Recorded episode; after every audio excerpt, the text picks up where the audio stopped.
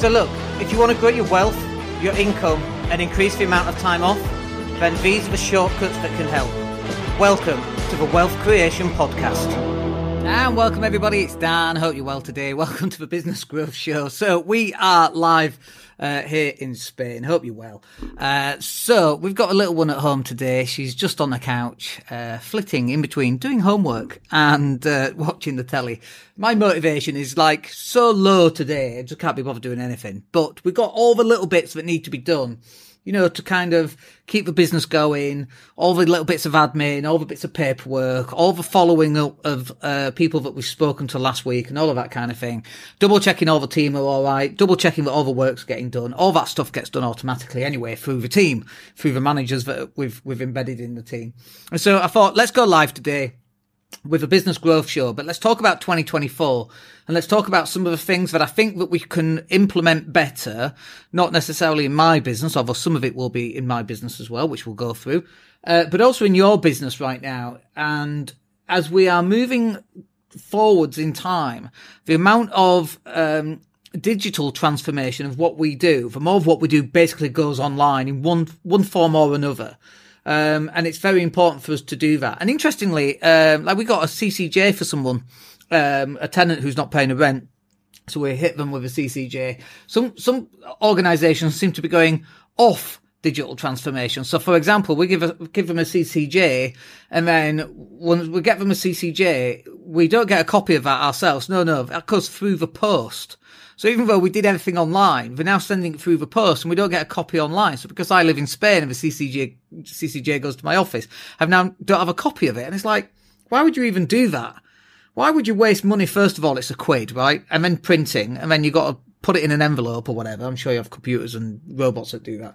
But it doesn't make sense why, uh, why an organization would make it less uh, digitally transformed? Why are you making things harder for yourself and why are you having additional costs? It doesn't make sense. But in all our businesses with people who actually, uh, you know, if we don't perform, we don't get paid. Obviously, if you work for a council or if you work for the, uh, Her Majesty's courts, you get paid no matter what happens, right?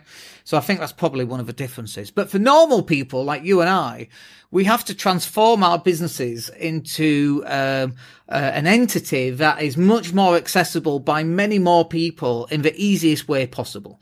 And the way to do that, obviously, is using online stuff. You know, we've got the internet now. Uh, I don't know if you heard of it. and It's been around for like 20, 30 years. Hopefully you have. And it still amazes me. And people like, um, can you just send it over? Oh no, we need a fax copy. I'm sorry, what? Yeah, I need a fax copy. I'm sorry, I can't do that. Oh, why can't you do that? Because where I live. Where do you live? 20, 2023. Uh, that's where I live. Not lived with fax machines since the 1990s, for God's sake. But people still ask for that stuff. It's just bizarre. Just scan it and email it and send it. Um, but, you know, with a digital transformation, we we uh, ran some uh, podcasts last week. We talked about using frictionless transactions. So, for example, we're doing some work on serviced accommodation websites at the moment. We've got a few dropped in, and, and so we're doing some work around those. And so we talk about frictionless transactions. So instead of someone saying, "I want to come stay at your uh, serviced accommodation for two weeks over Christmas," well, what dates are they? Well, these are the dates. Uh, okay, who's coming? Well, these people are coming. How much is it? It's this much. Okay, yeah. Do you want to go for that? Yeah, I want to go for that. Like there's six or seven different emails to and throwing. Whereas obviously, obviously, right, that should just be automatic that whole process should now be online and sh- there should be no toing and throwing. Everything should be there, ready to make, uh, allow people to make the decisions to, to make the purchase that they actually need in order for them to book for serviced accommodation. And it's not just serviced accommodation, right? So I'm sure you come across websites and there's no pricing on. Now, by the way, I'm a hypocrite here, uh, cause there's no pricing on my website either. But, uh, and that's because we have to have a consultant consultative approach to closing clients. We can't just sell a website for 500 quid. We don't know what they want. It might be a two grand website. It might be 500 pounds. We don't know until we actually get on a call and see what they need. And it's the same with content and all the rest of it. So that's the reason why we don't put prices on. But if you're a florist, good example, or a plumber who's got a call out, you know, a 24 hour emergency call out, 85 pounds, whatever that's going to be.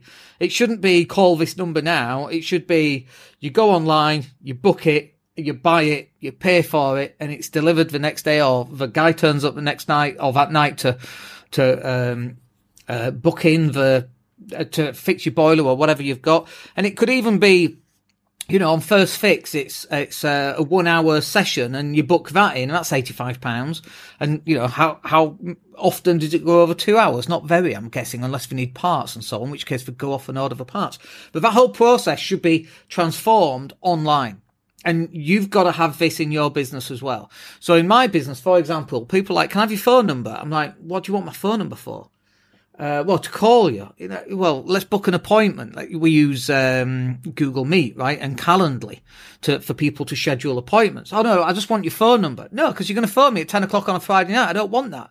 So we've transformed that process. So now, if you want to speak to me, by all means, you can speak to me, but you have to book an appointment, and that whole process uh, is done online so that it removes all this toing and throwing. Well, I'm available at two. Well, I'm not available then, but I'm available at three on Thursday. Well, I'm not available then till Friday at four.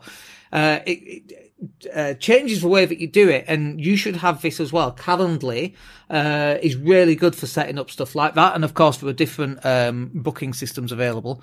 But you need to be really thinking about what are the different things in your business that you should be transforming to make transactions easier, to make speaking with you easier, to make getting support easier. Can you uh, implement a, a support type software where people get support tickets and so on? So uh, usually for us, it's via email. Not that our clients need a lot of support. Uh, and those that do need support are actually in contact with us all the time anyway. Those uh, that have a website, if the website goes down, we actually know the website's gone down before they do. And we reach out to them and we're like, oh, I didn't even know. Um, and actually, most of the time, you know, I say most of the time, very rarely happens. But if it does happen and we know first, we go and fix it. And then we go speak to the client and go, oh, you know, your website went down, right? Oh, it's fixed, but we fixed it. All that process is all done online and it's seamless. And often the clients don't even know. Um, but you should be thinking about what are the other things that you could actually uh, move online to stop you having to get involved with to free up your time because your time should be better else spent doing different things. And I'm constantly having conversations with my team because every so often I get pulled back into delivery of products and that's really not where I should be. I should be leading the company, coming up with ideas, forming strategic partnerships, which we'll talk about a little bit later. Um, and that should be my role. And I keep getting pulled into it. And actually, less and less so now because I've got really strict on what I do and what I don't do. And, and you should have that too. And the things that you shouldn't be doing is always to and froing because your computer or the internet or your website should be doing that for you. Um, so whatever that is, you need to be having a think about that. And then the second bit, I think, for 2024 that's going to be really, really important is about you increasing the amount of outsourcing that you do. And this can be anything, right? So obviously we run a, uh, a digital marketing agency and all our clients outsource all their marketing to us because they don't want to do it and they don't want to have yet another full-time person, you know, because uh, having a full-time person costs between 10 and 20% of their monthly uh, cost anyway in all the other things you have to supply them, like pensions and laptops and a desk and a car and all this other stuff that's needed and holidays. You know, one out of 12 months is if there's nobody there because we're on holiday, right? Because we get four weeks holiday.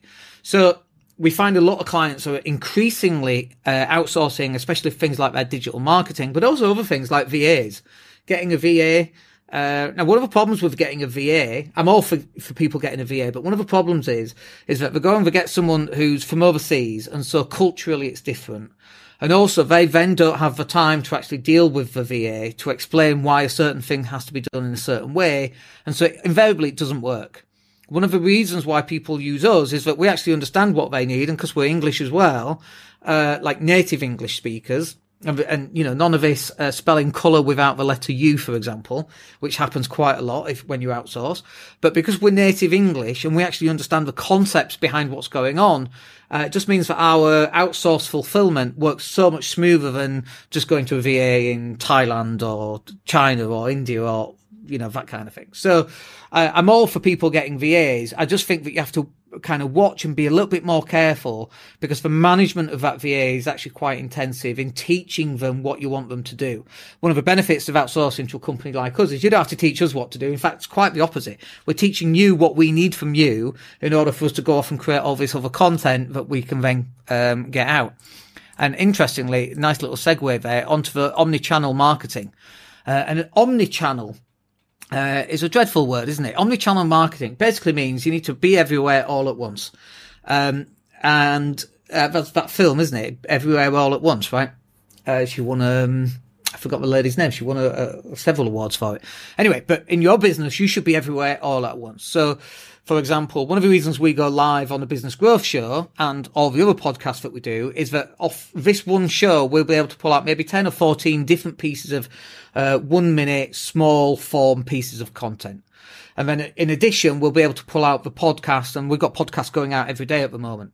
And then not only have we got different types of content going out, so now we've got long form video, we've got audio, we've got short form video.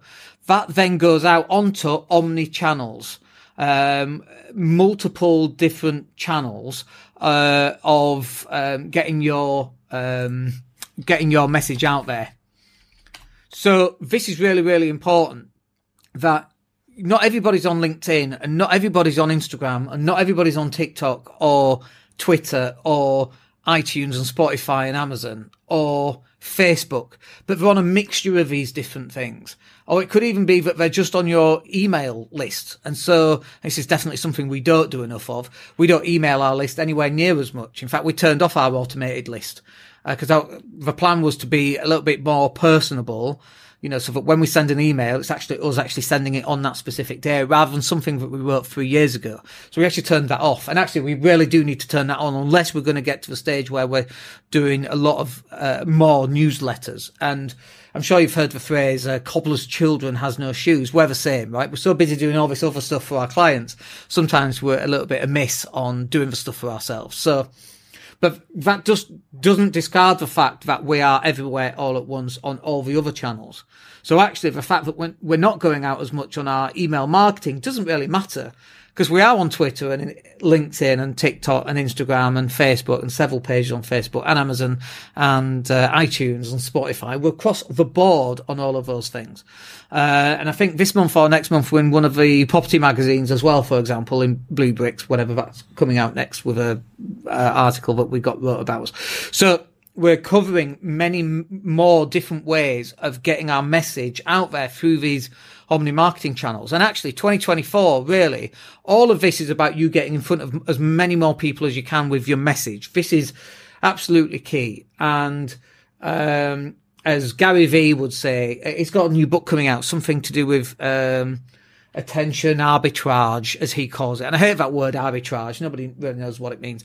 Uh, but basically getting in front of as many people as you can with your message, talking about whatever it is that you want to talk about. That's what you should be doing in 2024. So your digital transformation is about you getting your message out. Increasing outsourcing should be about you increasing getting your message out. Omni channel marketing should be about you getting your message out, which very nicely leads us to strategic partnerships. So, for example, um, this month or next month, uh, well, we're in November, so it's either December or January. It might even be February.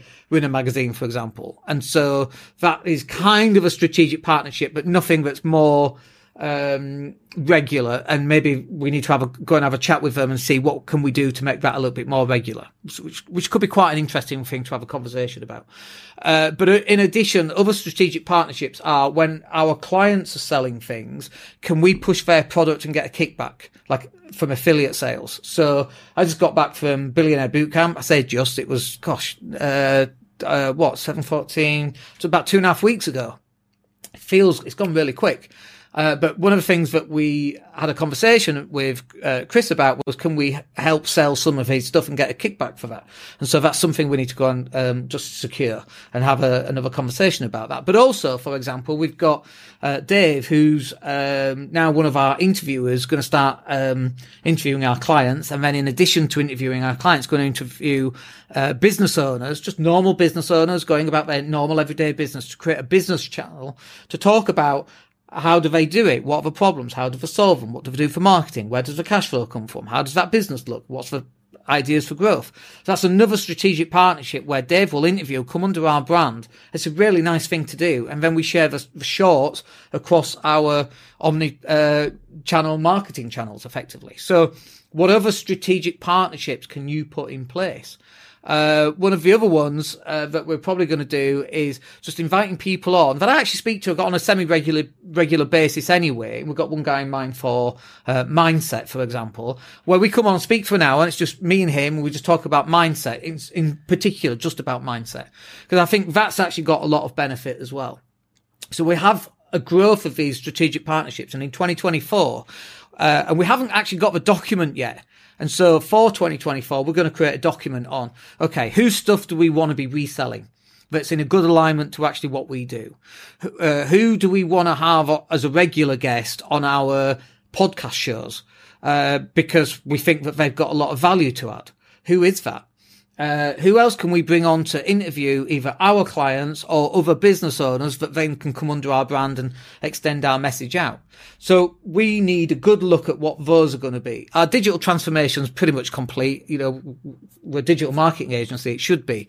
Our outsourcing, we tend not to be able to do, but I've got a few things that I need to do. One of them is uh, business accounts my business accounts is such a shocking methodology. Uh, I just shove everything in an envelope, send it over, and uh, hope for the best. And actually, uh, we do have cash flow forecasts, so we know if we're if we're down, what month is going to be good, what month is going to be bad. So we have that, but that can be uh, definitely improved upon.